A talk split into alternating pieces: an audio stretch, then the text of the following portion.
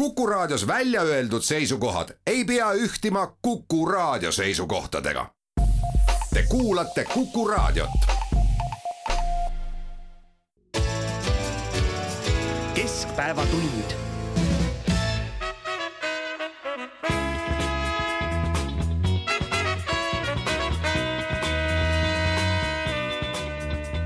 rõõmsaks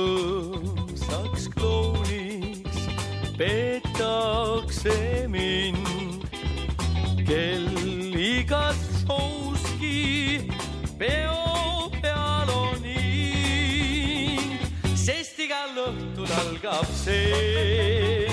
mis ammu enda jaoks vaid maskeraad, mul naerusuine mask on ees, ma tundeist rääkida ei saa.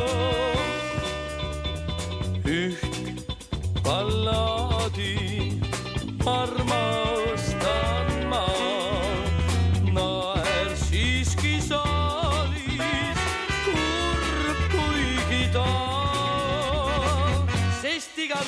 õhtul algab see, mis ammu enda jaoks vaid maskeraad, mul naerusuine mask on ees, ma tundeist rääkida ei saa sest igal õhtul algab see, mis ammu enda jaoks vaid maskeraad, mul naerusuine mask on ees, ma tundeist rääkida ei saa. Kord üht neidu kohtasin ma, kuid tundeid heidus hoidma ma pean, sest igal õhtul algab see, mis ammu enda jaoks vaid maskeraad, mul naerusuine mask on ees,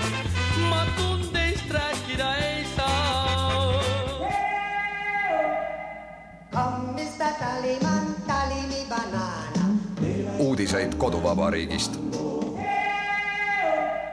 tere, siin on Kuku raadio ja Keskpäevatund Tallinna stuudios. pikalt Lõuna-Euroopa reisilt tagasi saabunud Ainar Ruussaar, Heldur Meerits Tallinna lähialadelt ja Priit Hõbemägi. kuulasime Oleg Melnikut ja laulu Maskeraad. mul naerusuine mask on ees, kuid tundeist rääkida ei saa. ja mis see Eesti elu viimasel ajal ikka muud on kui üks lõputu maskeraad, kus tähtsad tegelased kannavad mas-, maske, räägivad üht, mõtlevad teist ja teevad hoopis kolmandat ja maskeraadi meistriklass algab meil ju hoopis esmaspäeval, kui riigikogu hakkab valima Eesti Vabariigile uut presidenti ja sellest me täna alustamegi. kas need on ikka valimised, kus on tavaliselt ju mitu kandidaati või hoopis vanamoodi hääletamine nagu siis, kui oli ainult üks kandidaat? no põhimõtteliselt pole keegi ju takistanud mitut kandidaati üles seada, nii et, et mu meelest küll see, sedasorti väited on ikka üsnagi demagoogilised. vabandust, lihtsalt... vabandust selle väikese demagoogia pärast no midagi ikka takistab mitut kandidaati üles seadmast selles mõttes, et. et selleks, et riigikogus üldse kandidaati üles seada, on vaja ikkagi teatav riigikogu liikmete toetushäälte arv, sellepärast ka Henn Põlluaas on ju EKRE presidendikandidaadina mitte presidendikandidaat, vaid nende kohalike omavalitsuste valimiste nii-öelda eestkõneleja või maskott. no jaga sada üks riigikogu liiget kahekümne ühega ja noh, tuleb välja, et, et põhimõtteliselt oleks võimalik ne, neli kandidaati üles seada. aga miks ka mitte, miks ei võiks neid kandidaate siis rohkem olla, et kui, kui jälgida presidendivalimisi erinevates Euroopa Liidu riikides ja ka miks mitte väljaspool Euroopat, siis me ikka näeme, et on võistlevad kandidaadid, on. kui on selline süsteem, kus on, kus on kaks suurt parteid nagu näiteks Ameerika Ühendriikides, siis on ikka kaks võistlevat kandidaati, noh. Suurbritannias ei ole küll, ei ole küll presidenti, aga peaministril on väga suur võim ja erinevatel erakondadel on samuti omad kandidaadid ja nii edasi ja nii edasi, et see on väga huvitav süsteem, mis meil Eestis on, et. et pärast eelmiste presidendivalimiste suurt kõrvetada saamist poliitiliste parteide poolt on hirm ikkagi nii suur veel kord sattuda avaliku naeru alla, et äh, proovitakse siis äh, vältida üldse mingeid erinevaid kandidaate, osa neist muidugi ei taha jälle osa on liiga targad ja osa võib-olla saavad poole tee peal aru, et pole mõtet hobuse selga hüpata, mõned kutsutakse hobuse selga, nad hüppavad sinna, nagu näiteks Tarmo Soomere ja siis öeldakse neile oot-oot-oot-oot, pea nüüd kinni, tule maha jälle, et vale start oli. nii et no tegelikult ikkagi mingi selektsioon on toimunud, et, et kas see selektsioon toimub nüüd nagu enne öö, otseseid valimisi või, või siis nagu valimiste ajal, noh kas see nüüd on nüüd nii, nii suur vahe ja no ma olen sinuga täiesti nõus, et. et äh, hästi palju defineerib seda praegust olukorda ikkagi eelmiste presidendivalimiste. ma ei tea, kas see nüüd oli ebaõnnestumine või mitte, eks jah, aga no igastahes erakonnad on saanud selle, selle pärast üsna palju kriitikat ja, ja noh, kuigi erakondadel on nagu üsna palju erinevat ka. eks, et no siis ühine on neil see, et, et nad ikkagi kuuluvad sellesse poliitilisse klassi ja nad natukene ikkagi ka pingutavad selle nimel, et, et enda nägu puhas hoida ja, ja seetõttu üritatakse saavutada olukord, kus nüüd presidendivalimised pigem ikkagi õnnestuks. jah, ja see, selle sinu väite kinnituseks on ju ka see, et tegelikult äh, taasiseseisvunud Eesti ajaloos, kus vaid ühe korra on olnud presidendi otsevalimised, kõik muud korrad on teinud seda kas riigikogu või valimiskogu. esimest korda selle aja jooksul tekkisid presidendikandidaadid laia avalikkuse ette alles noh, kuu aega või, või noh, kuu ja nädal enne valimisi. tavaliselt ikkagi juba aprilli lõpus ja mais on mingisugused kandidaadid või kandidaatide kandidaadid ikkagi juba avalikkuse ees figureerinud, näiteks noh, viis aastat tagasi see ju nii oli. sel korral jah, ajakirjanikud ootasid vaatasid tühja pilguga aknast välja, kus on kandidaadid, kus on kandidaadid, mais ei olnud, juunis ei olnud, juulis ei olnud. no võib-olla jah, see ehk ongi, seda peab nagu kuidagi irooniliselt ära märkima, et, et. et, et praegu on küll meil täiesti õige aeg äh, rääkida presidendivalimistest jah, aga need mai, mai ja juuni, et, et seal nagu tundus, et ajakirjanduse mure oli nagu kõige suurem no ja, aga lõppkokkuvõttes ajakirjandus ei ole mitte mingisugune asi iseenesest, ajakirjandus nii või teisiti peegeldab neid tundeid ja mõtteid ja. ja soove, mis ühiskonnas toimuvad, nii et kui ma olen ka üsna palju lugenud seda, et näed, et ajakirjandus justkui väga on tahtnud, et ega aja, ajakirjandus väljendab seda, millised. millised soovid ja ihalused, ihalused ühiskonnas on, aga, aga nüüd on ju erinevalt võib-olla eelmistest presidendivalimistest on nüüd nende presidendivalimiste käigus, kus on vähem olnud saanud rääkida konkreetsetest kandidaatidest, aga palju rohkem saanud rääkida presidendivalimiste süsteemist, sellest, milline ta on, millised on selle vead ja millega sellega peaks edasi tegema. on olnud väga häid politoloogide äh, analüüs selle kohta ja, ja vähehaaval paistab, et äh, ühiskonnas ja ka siis äh, analüütikute hulgas hakkab peale jääma see seisukoht, et Eesti presidendivalimiste süsteem ehk siis seadus, äh, presidendivalimiste seadus ei äh, või seadused, mis seda määratlevad, et need ei teeni siiski tegelikult äh, ühiskonna ootusi, nii nagu nad peaksid kahekümne esimese sajandi alguses. et ka politoloogid tunnistavad seda, et antud juhul meil on olukord, kus erakonnad omavaheliste kokkulepete tulemusel valivad sellist presidenti, mis sobib erakondadele ja pärast seda siis öeldakse, et äh, vaadake, et me oleme nüüd siin teinud kõvasti tööd ja palun väga, siin on siis nagu rahvaülene, kõiki erakondi ühendav, kõikidele eestlastele tulevikku suunda näitav president, aga tegelikult see toimub väga väikese hulga inimeste äh, nii-öelda koostöös, et selles mõttes ei ole ju Eesti ühiskond ei ole kuidagi haaratud presidendivalimiste protsessi, kuigi hiljem öeldakse, palun väga, võtke. võtke ja olge lahke, siin on teie uus president, kukkuge nüüd austama. ja kõik, kõiki parteisi, kõiki parteisid ühendav ja kõigile parteidele sobiv president kogu rahva president, see ei tähenda tegelikult midagi, isegi olgem ausad, isegi Arnold Rüütel ei olnud kõigile parteidele sobiv president. ja, ja kogu rahva president, et, et noh, ilmselt on meil huvitav jälgida seda protsessi, kui nüüd president ära valitakse. ükskõik, kas riigikogus või valimiskogus, kas siis pärast seda, eh, kui ka kohalikud eh, valimised läbi saavad, eh, on riiki, selle riigikogu koosseisu valmisolekut algatada tõepoolest põhiseaduse muudatus, mis siis võiks tähendada kahte asja kas presidendi otsevalimised, ehk siis anda see võimalus rahvale või on ka teine suur võimalus kaotada üldse selline institutsioon Eestis nagu, nagu presidendi institutsioon mis ei ole tegelikult selles mõttes hea mõte, et, et kui me räägime presidendist, siis me tegelikult äh, ei räägi ühest inimesest, vaid ikkagi institutsioonist, kus, kuhu kuuluvad äh, noh, me eeldame targad õigusnõunikud, majandusnõunikud, välisnõunikud äh, ja nii edasi, aga mis siis mis te arvate, mis siis esmaspäeval saab, et palju karisääli saab? ma enne, enne korraks hüppaks veel äh, selle mm, presidendivalimiste süsteemi juurde tagasi ka, et, et äh, me täna elame sellises riigis, et, et noh, kus me räägime, et tegemist on vabariikliku süsteemiga, mitte presidentaalse süsteemiga ja, ja kui me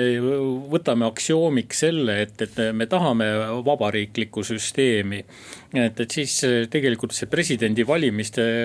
korraldus ongi just täpselt sellele olukorrale vastav. et, et kui me räägime presidendi otsevalimistest, siis sellisel juhul oleks loogiline anda talle ka kõvasti rohkem võimu juurde, ehk nihkuda siis presidentaalse süsteemi poole. et, et et noh, ühesõnaga, et, et ma ei, mina nagu ei kurdaks selle presidendivalimiste süsteemi no, üle. selle vabariikliku süsteemi, sinu poolt mainitud vabariikliku süsteemi toetuseks on see, et aga tõepoolest. mitte keegi ei keela algatada vähemalt äh, mõttetalgute korras arutelu, et kas meil on vaja presidendi institutsiooni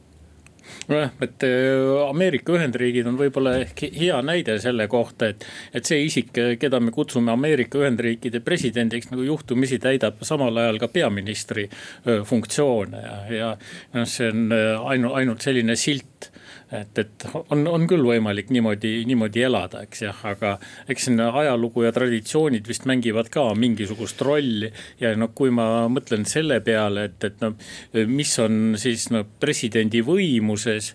siis võib-olla ehk tema võim on küll suurem kui õiguskantsleril või Eesti Panga presidendil, aga see ei ole nüüd nagu nii hirmus palju suurem. ja noh, kindlasti Eestis on peaminister palju suurema võimuga isik kui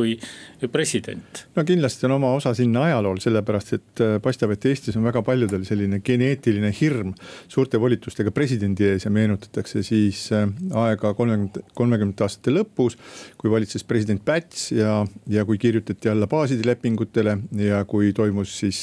see, mida paljud nimetavad siis ka hääletuks alistumiseks, et kui kui äh, üks arvamus on ka see, et kui presidendil ei oleks selliseid nii suuri volitusi olnud, kui mitmesuguste keeruliste tollaste äh, nii-öelda poliitiliste protsesside tulemusena poleks niimoodi juhtunud, et siis võib-olla Eesti saatus oleks võinud olla teistsugune, mis tähendab seda, et,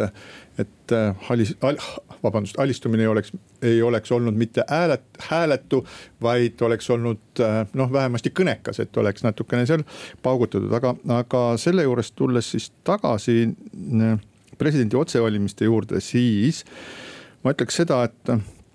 kui mõelda valimissüsteemi muutusele, mulle tundub, et see valimissüsteemi, presidendi valimise süsteemi muutmine on hädavajalik. et kuigi pärast presidendivalimisi on iga kord mõni erakond sellest rääkinud, et tuleks tuleks ähm, hakata kõnelema taas presidendi otsevalimisest, siis seda ei ole kunagi tehtud, siis nüüd on ka, nagu ma ennegi juba siin viitasin, et mitmed äh, mainekad ähm, äh, politoloogid on viidanud, et saab küll niimoodi, et on äh, president, kes on otsevalimisega saa, saanud võimule, kuid kelle mõju ei ole siiski nii suur et äh, seda peaks äh, kartma, et see võimalus on olemas, aga nüüd, kui me vaatame. ma korra täpsustan, Priit, et, et üks Eesti erakond on ikkagi üle rohkem kui kümme aastat rääkinud presidendi otsevalimisest ka enne presidendivalimisi, mitte ainult pärast, see on Keskerakond. ja just nimelt, aga see on sel-, selge on see, et äh, Keskerakonna puhul oligi suure osa ühiskonna hirm oli kõige suurem, sest äh, Keskerakond ja otsevalimised äh, oleks tähendanud presidendi kohal tõenäoliselt Edgar Savisaart ja üks osa ühiskonnast oli valmis tegema ükskõik mida, sööma oma vanu pükse või vanu mütse. et midagi taolist ei juhtuks, aga nendest äh, otsevalimiste variantidest, et, et kui nüüd läheneda plokkskeemile nii, et kõigepealt meil on laual siis ähm, presidendivalimiste süsteemi muutmine, siis meil on järgmised kaks äh, sellest hargnevat teed on kas otsevalimised või muudatused praeguses presidendivalimiste süsteemis. nüüd ähm, otsevalimistest natukene sai räägitud, aga muudatused siis minu meelest võiksid olla järgmised presidendi ametiaega võiks olla ainult üks, see võiks olla näiteks seitse aastat. nii et ei tekiks seda probleemi äh, tagasivalimisega ja samuti ka, kuna presidendid muutuvad nooremaks, siis äh, see ei blokeeriks suurt osa inimese elust ära, et seitse aastat äh, ametiaega, siis võiks olla selge see, et kas valitakse riigikogus või valimiskogus, mitte nii, et see töllerdab ühest kohast teise. ja ka üks muudatus kindlasti võiks olla see, et kõik hääled, kõik antud hääled loevad et kas öeldakse jah või öeldakse ei, et rikutud sedeleid ja hääletamata jätmist ei tohiks sellisel puhul olla. ja see võib, võiks anda meile nüüd sellise tunduvalt selgema ja arusaadavama süsteemi presidendivalimiste puhul. no sotsid on kirjutanud ju oma, oma programmi sisse selle, et, et president tuleks valida valimiskogus, ehk siis sotsid on seda, seda trummi tagunud ja selles mõttes on huvitav, tegelikult oleks ka huvitav teada, kuidas siis sotsid nüüd, nüüd esmaspäeval hääletavad või, või hääletavad vastu või ei hääleta. Ehm, noh mm, teiseks on ju sotsid öelnud, et nende esimene eelistus on praeguse presidendi jätkamine teisel, teisel ametiajal, nii et tegelikult siin on, äh, siin on äh, signaale on väga palju, aga kõik need on ikkagi pööratud nagu erakondliku huvi raamidesse, selles mõttes sinu optimism, Priit, on tervitatav, aga ma kardan, et see ei teostu, et et leida selline kandidaat, kes absoluutselt sobiks kõigile erakondadele, et, et see ilmselt on võimatu ülesanne. mina tahaks pigem nagu mitut kandidaati. nojah, et see tõenäosus, et, et Alar Karis äh, ära valitakse, et see on noh ikkagi vist üle, üle viiekümne protsendi. et, et noh, see sotside selge eelistus on Kersti Kaljulaid ja noh, võib-olla siit, siit tuleb välja see motiiv et, et sotsidel oleks ehk huvitav proovida seda valimist läbi kukutada lootuses, et siis juhtub valimiskogus mingisugune ime aga äh, see nagu ei tundu liiga tõenäoline. ma arvan, et sotside puhul võib olla üheks selliseks tagamõtteks see, et kuna praegune president Kersti Kaljulaid on ju väga teravalt väljendanud ka välisajakirjanduses siis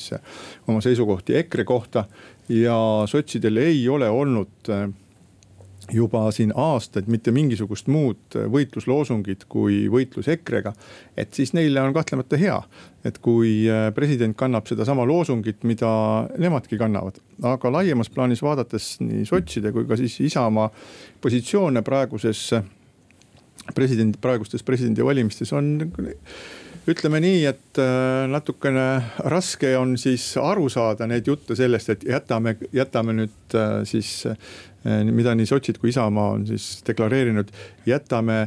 hääletamise vabaks, no see peaks olema nüüd nagu iseenesestmõistetav, et see ongi nii, et äh, hääletamine ongi inimeste siis äh, riigikogu saadikute puhul on vaba, valimiskogus muidugi niimoodi seda kõike kontrollida ei tegemist saa. tegemist on salajase hääletusega, see ongi, see, see saabki olla ainult vaba hääletamine. just nimelt, et see ongi, see ongi juba oma olemuselt vaba hääletus, mis tähendab seda, et selle ütluse taga, et jätame hääletamise vabaks, on mingisugune teistmoodi poliitiline arvestus või numbrite matemaatika ja see on jällegi see maski küsimus, millest me siin alustasime seda saadet, et, et äh, mul igal õhtul mask on ees ja seda, mida ma tegelikult, ma räägin ühte, mõtlen teist ja teen kolmandat ja tulemus võib olla üllatav siis neile, kes on harjunud sellega, et kui keegi midagi räägib, et siis seda ka mõeldakse ja seda ka tehakse. tõsi, mulle selle vaba hääletuse puhul meenub üks taas enam kui kümne aasta tagune seik vabast hääletusest Tallinna volikogus, mis oli salajane, kus Keskerakonna fraktsiooni liikmetele jagati selleks, et nad täidaksid äh, hääletussedelid rohelised pastakad, ehk siis rohelist võiks, värvi pastakad. minu meelest võiks jagada seekord välja kõigile sellised pastakad, mis nagu siin Kuku raadios on, et äh, pastakas mõtlevale inimesele. et kui te hääletate seal, siis, siis mõelge oma peaga, ikka olge mõtlevad inimesed, ärge kandke maske. pastakat ja hääletada, aga, aga noh, loomulikult kõik erakonnad püüavad seda seda presidendivalimist äh, enda kasuks pöörata ja mind täna ausalt öeldes algul nagu üllatas, siis pani ohkama ja siis ajas naerma. Äh, erakonna Isamaa avaldus laupäeva hommikul, et erakond Isamaa teatas siis täna hommikul, et nad eeldavad, et, et presidendikandidaat seab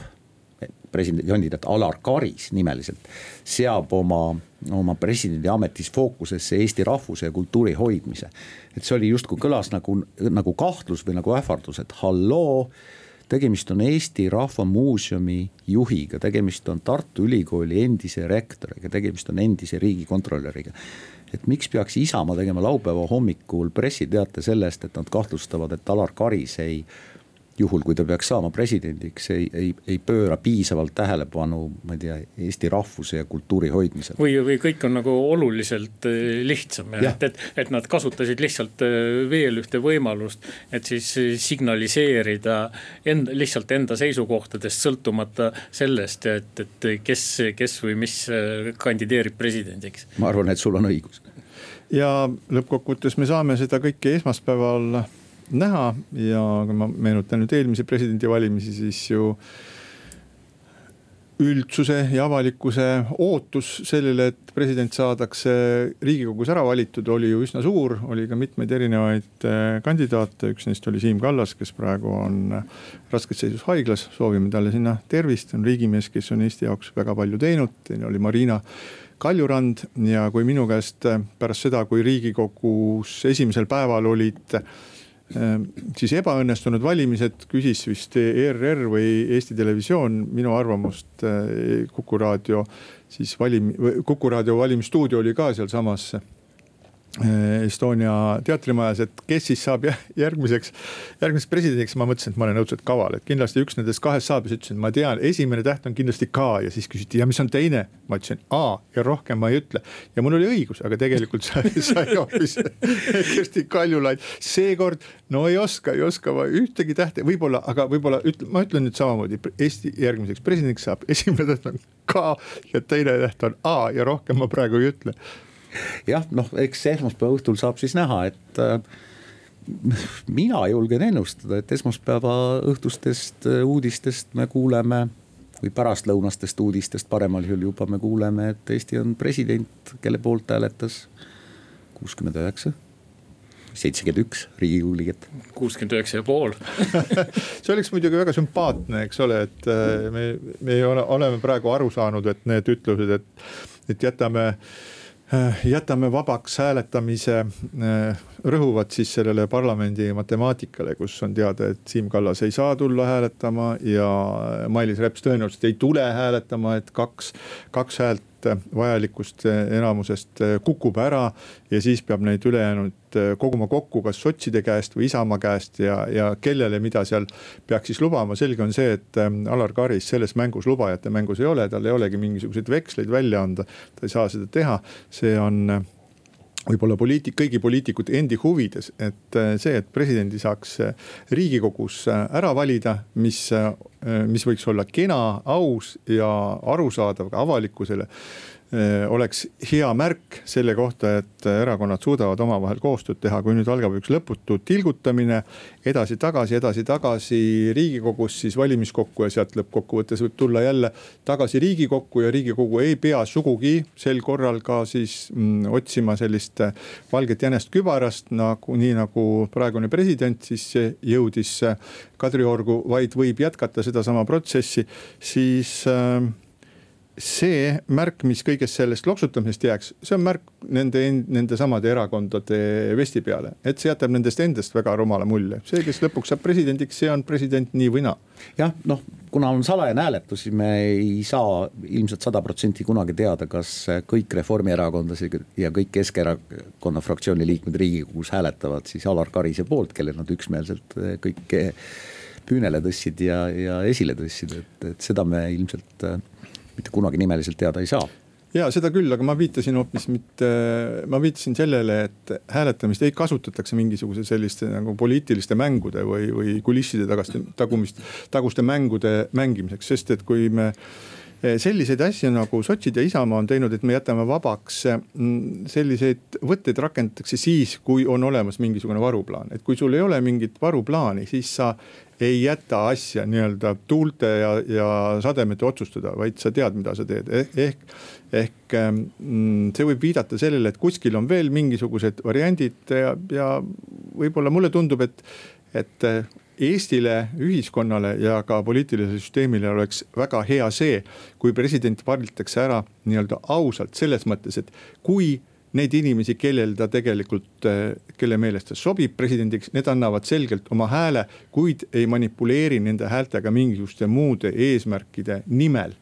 Kas äh, otsida sinna nüüd teises või kolmandas voorus mingisuguseid uusi seni tundmatuid kandidaate või saada mõne teise suurema erakonna käest mingisuguseid hüvesid, et see protsess peaks olema aus. Jah, ja tänase päeva seisuga on selge ka see, et riigikogu liige, kellel ei ole vaktsineerimist äh, tõendavat passi või siis negatiivset testi ette näidata, pääseb ikka. pääseb küll, seepärast et riigikogu ei ole ju tead või kus äh, riigikogu. ega riigikogu ei ole mingi restoran, kus sa pead passi näitama. ei ole avalik koht, aga kuule, kas eelmine kord mitte ei toimunud see kõik Estonia teatrimajas või? Äh, valimiskogu. valimiskogu oli seal jah ja.. et aga noh, et kui me räägime nüüd erakondade või nagu mis tahes organisatsiooni või ka nagu inim, üksikute inimeste huvidest, et. et on nagu suured huvid, natukene väiksemad huvid ja, ja siis on nagu päris pisikesed huvid. ja, ja noh, meil on siin äh, veidikene keeruline nagu öelda, et mis siis äh, nagu domineerib seal erakondade huvide hulgas, eks, et, et noh, see politikaanlus, see on nüüd nagu mingisuguste väga, väga väga pisikeste äh, huvide noh realiseerimine, aga et noh, nagu siin ennegi juba ütlesin, et, et, et nad üheskoos nagu poliitiline klass, nende huvides võiks olla see, et. et nagu enam-vähem viisakalt saaks president ära valitud. no eriti mõeldes sellele kriitikale, mis oli pärast eelmise korra edasi-tagasi liikumist. nii on ja siinkohal peame väikse pausi. keskpäevatund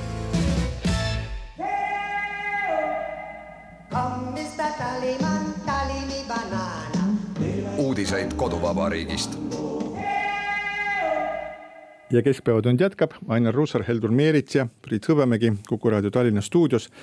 nüüd äh, neljapäevast alates siis äh, pidime hakkama taas kandma maske avalikes kohtades, kuhu igaüks võib sisse astuda.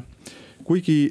teadusnõukogu soovitas valitsusele teha maski kandmine soovituslikuks, muutus see valitsuse töölaualt väljudes siiski kohustuseks. Ja mis tähendab seda, et jah, et kui lähed kuskile suurde kauplusse, et siis peaks põhimõtteliselt olema mask ees, nüüd see põhimõtteliselt on jälle hädavajalik siia juurde mainida, sellepärast et kui mina eile käisin ühes Tallinna suuremas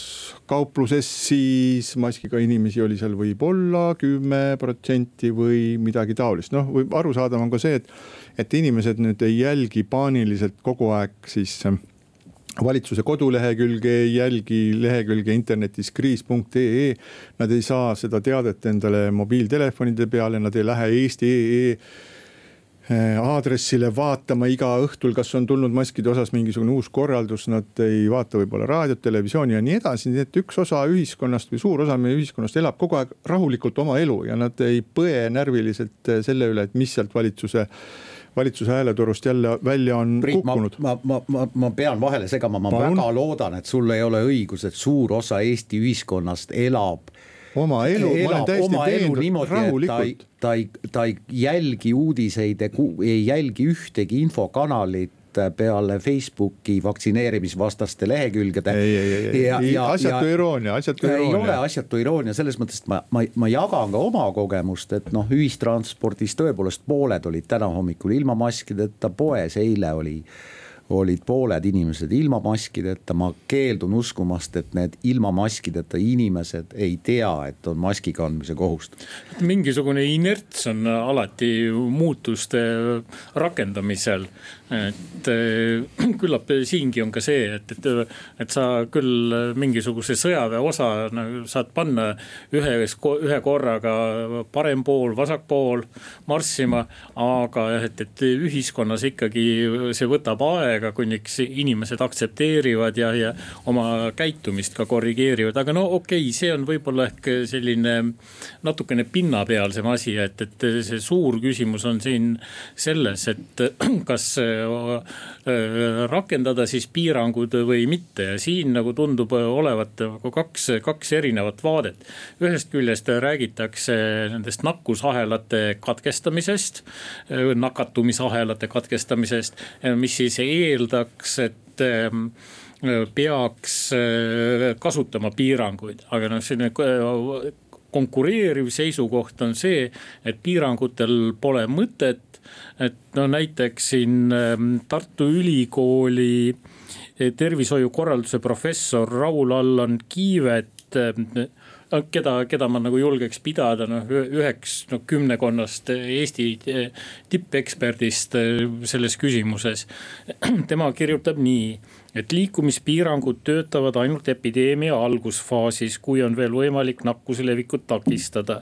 ja, ja tema, tema järeldus on see, et tegelikult põhirõhk peaks minema hoopis vaktsineerimisele, et need piirangud enam ei ole tõhusad. see on kõik õige jah, aga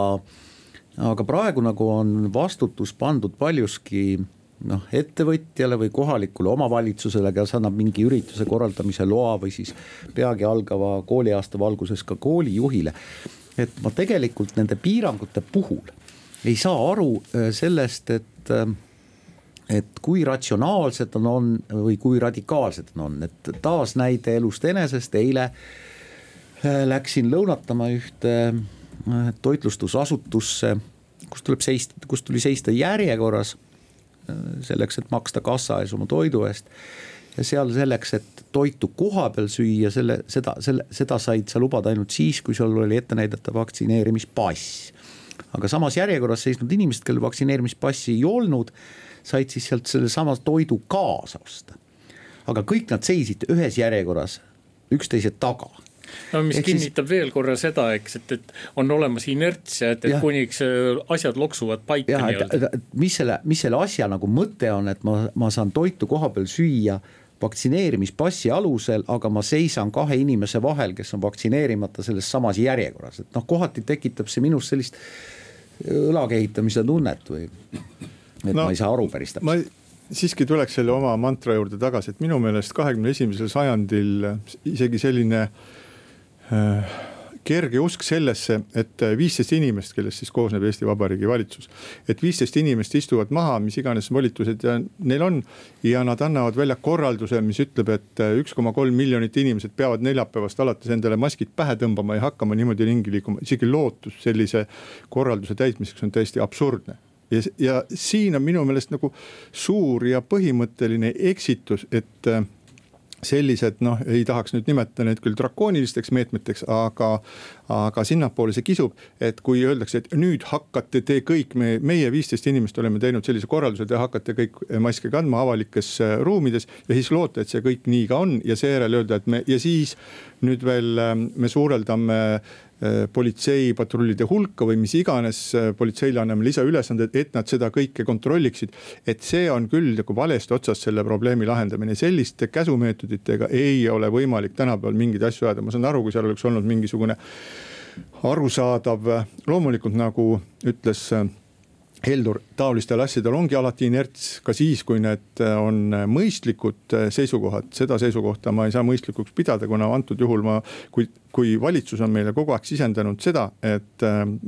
teaduspõhisus on oluline ja kui teadusnõukogu soovitab, et maskid oleksid soovit-, soovituslikud. Ja siis need viisteist inimest, Kaja Kallas, Andres Sutt, Liina Kersna, Maris Lauri, Kalle Laanet, Anneli Ott, Tõnis Mölder, Urmas Kruuse, Taavi Aas Keit Pentus-Rosimannus, Jaak Aab, Kristjan Jaani, Signe Riisalu, Tanel Kiik, Eva-Maria Liimets. nüüd, kas teie usute ka tõsiselt seda, et need viisteist inimest teavad paremini, mis on Eesti ühiskonnale paremini kui teadusnõukogu, kus on selle ala spetsialistid koos ja kui nad seda ei tea ja ma arvan, et see vastus on ei, siis miks nad seda teevad, miks nad seda teevad? üks aspekt selles tegevuses on see, et, et äh, poliitik peab näitama, et ta lahendab aktiivselt probleemi ja, ja noh, mida, mida rohkem äh, käsukirju sa välja annad, et seda rohkem võib tekkida mulje, et, et äh, töö käib ja, ja tehakse midagi. aga noh, et, et see on võib-olla ehk selline laiem, laiem probleemgi, et, et kui, kui me no mõtleme kasvõi sellesama terviseameti lao peale. et, et noh, siis me näeme, et, et tehti ja askeldati, aga tulemus oli ikkagi hästi kurb ja, ja enne, enne ma nagu olin nagu üsna, üsna mõistev ka terviseameti juhi Üllar Lanno suhtes, et noh, et, et sa nagu äsja tuled ametisse et, et on tarvis usinalt võidelda selle viiruse levikuga. ja et, et noh, siis, siis võib-olla nagu tõesti, et sa ei jõua noh kõigi, kõigi protseduuride ülevaatamiseni. aga jah, et, et kui nüüd tänu riigisekretäri raportile me teame jah, et, et aprillis on Ravimiamet väga, väga selgelt öelnud, et, et külmlaos ka, külmlaoga on probleeme. et, et siis on ikkagi tegemist väga-väga selgelt hooletuse või, või rumalusega või, või mida iganes ja et, et, et siin on nagu täitsa selgelt ka isiklik vastutus olemas totaalne kontroll loomulikult ei ole võimalik, et kui sa Priit ütled, et kunagi ei hakka üks koma kolm miljonit inimest maski kandma, siis see vastab tõele, see totaalne kontroll ei ole võimalik, küll aga on on targal poliitikul, ka sinu poolt ette loetud äh, valitsuse liikmete nimedel on targal poliitikul see omadus, et ta suudab ka oma vastutust kuidagi nagu, äh, nagu lahjendada, lahjendada, lahjendada. ja, ja need siis, ehk siis ja, ja. Äh, vastutab koolijuht, vastutab kohalik omavalitsus, vastutab ettevõtja või ettevõtte juht. Ehk siis ja see tekitabki parasjagu segadust selle maski kandmisega, nüüd terviseameti ladude juurde tagasi tulles, siis mm, noh tähtis on see, et prokuratuur uurimist ei alustanud. aga oluline on see, et äh, jälle keegi ei vastuta ja kui tulevikus juhtub mitte midagi säärast või sarnast, aga midagi muud, noh marjapoe varing või, või midagi taolist, kus leitakse taas kümme nime, aga noh, keegi justkui ju ei vastuta. ja no siin me võime riigikapitalismi plusside ja miinuste üle veel pikalt arutada, aga ma tahaks nende selle, selle saateploki teemade kohta öelda veel seda, et see valit-, valitsuse korraldus nimelt. seal on puudu see, millele praegu viitavad ka need suured kauplused, et seal ei ole öeldud, kuidas seda peaks nagu jälgima et millega, kuidas, kas oma raha eest või saab selle eest mingisugust toetust, kas tuleb kontrollida mingisuguseid pabereid. ja see annab hea võimaluse ka kõikidele neile, kes justkui võib-olla tahaksid heast tahtest sellega tegeleda. Öelda, et oot-oot-oot-oot, aga et me ei teagi, kuidas seda kõike asja teha, mis, kuidas seda ellu viia ja siis veel terviseameti kohta ma tahaks tahaksin öelda lihtsalt seda, et see ettepanek, mis siis ähm, terviseametist äh, tuli et äh, kohalike omavalitsuste valimistel lubada valimisruumi ainult äh, inim-, need inimesed, kes suudavad kuidagi tõendada, et nad on, nad äh, on vaktsineeritud või nad on testitud või midagi taolist. no ausalt, terviseamet, mulle tundus, et terviseamet on lõplikult hulluks läinud, et, et, et kas, kui ikka aru ei saa, et mis on, mis seadused riigis on olulised ja terviseamet ei ole see, kes seda olukorda täna reguleerib ja, ja et see, et meil on tõepoolest selline äh, haigus ei tähenda seda, et me võime kokku kägardada oma põhiseaduse, selle ära visata, öelda. armas terviseamet, ütle palun ometigi, et mida me peaksime tegema, okei okay,, et jätame siis need valimised hoopis ära. aga suurepärane ettepanek, ettepanek lubada valimistele ainult negatiivsed valijad. suurepärane, loodame, et Üllar Lanno kiidab selle heaks ja siinkohal väike paus. keskpäevatund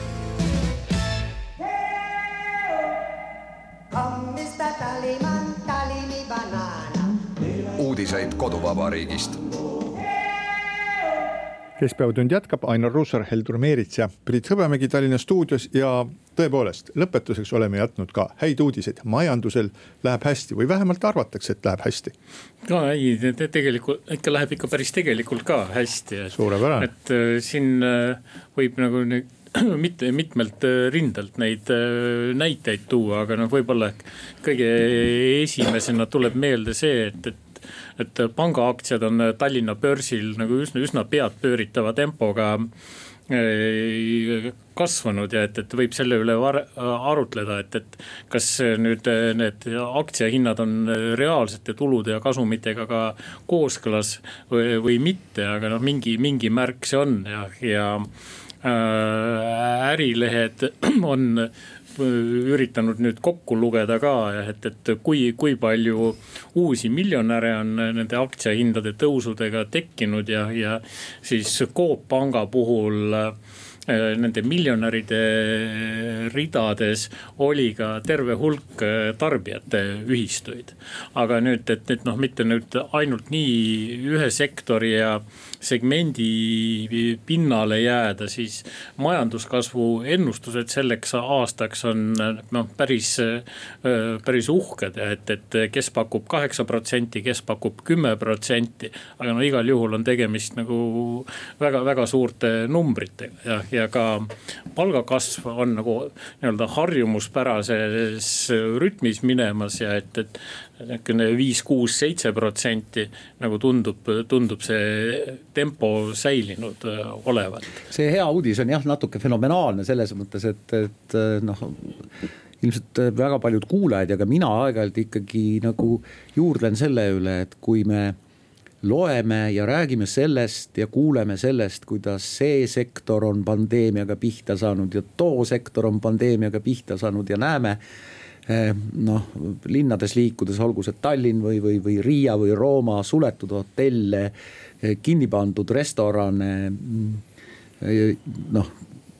vähest turismi ja samas me vaatame neid majanduskasvu numbreid ja, ja prognoose, et siis nagu Alice imedamaal, et mis siis toimub? no tegelikult neid sektoreid, mis pihta on saanud, nii hirmus palju ei ole, eks, et, et hotellid, restoranid transport mingil määral. jah, aga nagu see muu majandus ju toimib endiselt ja. no mingil perioodil ikkagi kultuurisektor ka tervikuna. nojah, et, et jah, meelelahutus jah aga jah, et, et muu ikkagi toimib ja, ja no kui inimesed ei saanud kulutada oma raha välismaal, siis nad kulutasid seda kodumaal. nii et, et see nagu ainult must maagi ei ole, pluss siis no lisasegadust tekitab ka see, et, et, et need globaalsed tarneahelad on Äh, sassi löödud, et, et korda Ameerika puiduhindade tõus äh, põhjustab siin ka hir hirmsa materjali hindade tõusu. mida üht ja teist ei ole saadaval, aga noh, see kõik ikkagi lõpuks laheneb. no aga kas ei ole mitte nii, et tegelikult on siis elu börsidel ja elu tegelikus reaalses maailmas on täielikult sünkroonist väljas, et ma mäletan, kui veel mingisugune, ütleme pool aastat tagasi, kui Ühendriikide börsidel oli mingisugune meeletu tõus. siis tekkiski selline suur küsimus, et eh, mis siis tegelikult toimub, kui pool ühiskonda on kinni, kui inimesed kaotavad töö, kui töökohti kaob ja ei tule juurde. ja samal ajal börsidel tuleb raha üha juurde ja juurde ja aktsiahinnad kerkivad ja ma pean ütlema, et ma ei jaksanud ära oodata seda hetke, millal siis tuleb vastus sellele küsimusele, et kuidas see on võimalik, et äh, elu päris, päris inimeste elu ja elu börsidel ei ole üldse enam mitte mingisuguses sünkroonis. Ja minu küsimus nagu ongi see, et kas see hetk on jõudnud siis nüüd ka siia, et äh, ettevõtjad ja need inimesed, kes äh, tegutsevad börsil, et nendel on võimalus raha juurde hankida, nendel on võimalus rikastuda, aga kõik ülejäänud, kes siis ringi luusivad alumistel korrustel, ootavad, millal siis brutopalgast äh, võib-olla tuleb viis protsenti juurde. et äh, te, tegelikult see mulje ei pruugi nagu õige olla, et, et, et siin eelmisel aastal ühel hetkel jah, nagu tõ, tõepoolest, et, et kadu, kadus neid töökohti jah, aga nagu täna, täna me enam ei saa rääkida sellest, et neid töökohti kaoks, et. et noh, pigem kasvõi needsamad restoranid pigem nagu kurdavad, et et neil on raskusi inimeste leidmisega ja, ja kui.... sööjate leidmisega või? ei, ei, ei, ei töötajate, töötajate leidmisega ja noh, nagu ma ütlesin, et, et see on ikkagi nagu mõne üksiku sektori probleem, et majanduses tervikuna ikkagi lähevad asjad hästi. et kui me räägime kaheksa kuni kümne protsendisest majanduskasvust, siis on nagu loogiline, et see kajastub ka börsil. et, et noh, mis sellest ja et, et need börsivõnked on oluliselt suuremad kui majanduses, et, et kui majanduskasv peaks meil nagu paar protsenti miinuses olema, siis me näeme börsil mitmekümneprotsendiseid kukkumisi ja vastupidi. nojah, need majanduskasvu numbrid äh, viivad meid tagasi aastasse kaks tuhat seitse, kui ma mäletan alati naeratavat peaminister Andrus Ansipit, kes ütles, et kuulge, majanduskasv on kümme protsenti ja, aga ma tu- ja see lõppes aasta hiljem ära. tuleksin tagasi sellise igapäevase elu juurde, et nii, et ähm, selge see, et kui majandus läheb paremini, et siis börsil läheb ka paremini, aga selge on see, et siis ka ettevõtetel on rohkem tööd, rohkem käivet äh, rohkem laekub ka maksutulu siis äh, riigieelarvesse. ja nüüd, kui ma lugesin jälle sel nädalal lugesin sellest, et politseiametis on plaanis koondada politseinikke selleks, et vähendada nende arvu, mis on kõigile meile ju täiesti arusaadav, et see vähendab ka turvalisust äh,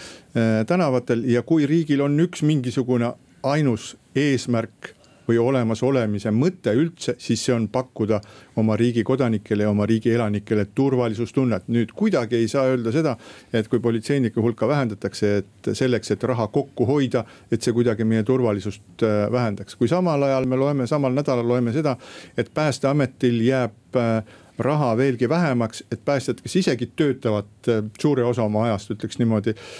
lihtsalt ähm, entusiasmist ja ilma rahata, rääkimata siis vabatahtlike päästjate uskumatult äh,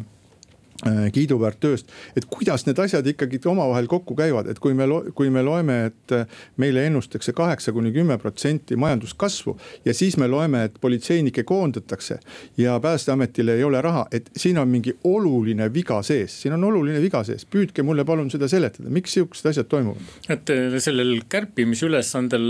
nagu on mingisugune ratsionaalia küll, et see nagu sunnib üle vaatama et, et kas see kõik see, mida tehakse, et kas see nüüd on mõistlik ja ratsionaalne. aga jah, et, et kuna seda kärpimisülesannet jagatakse ühtlaselt äh, kõigi, kõigile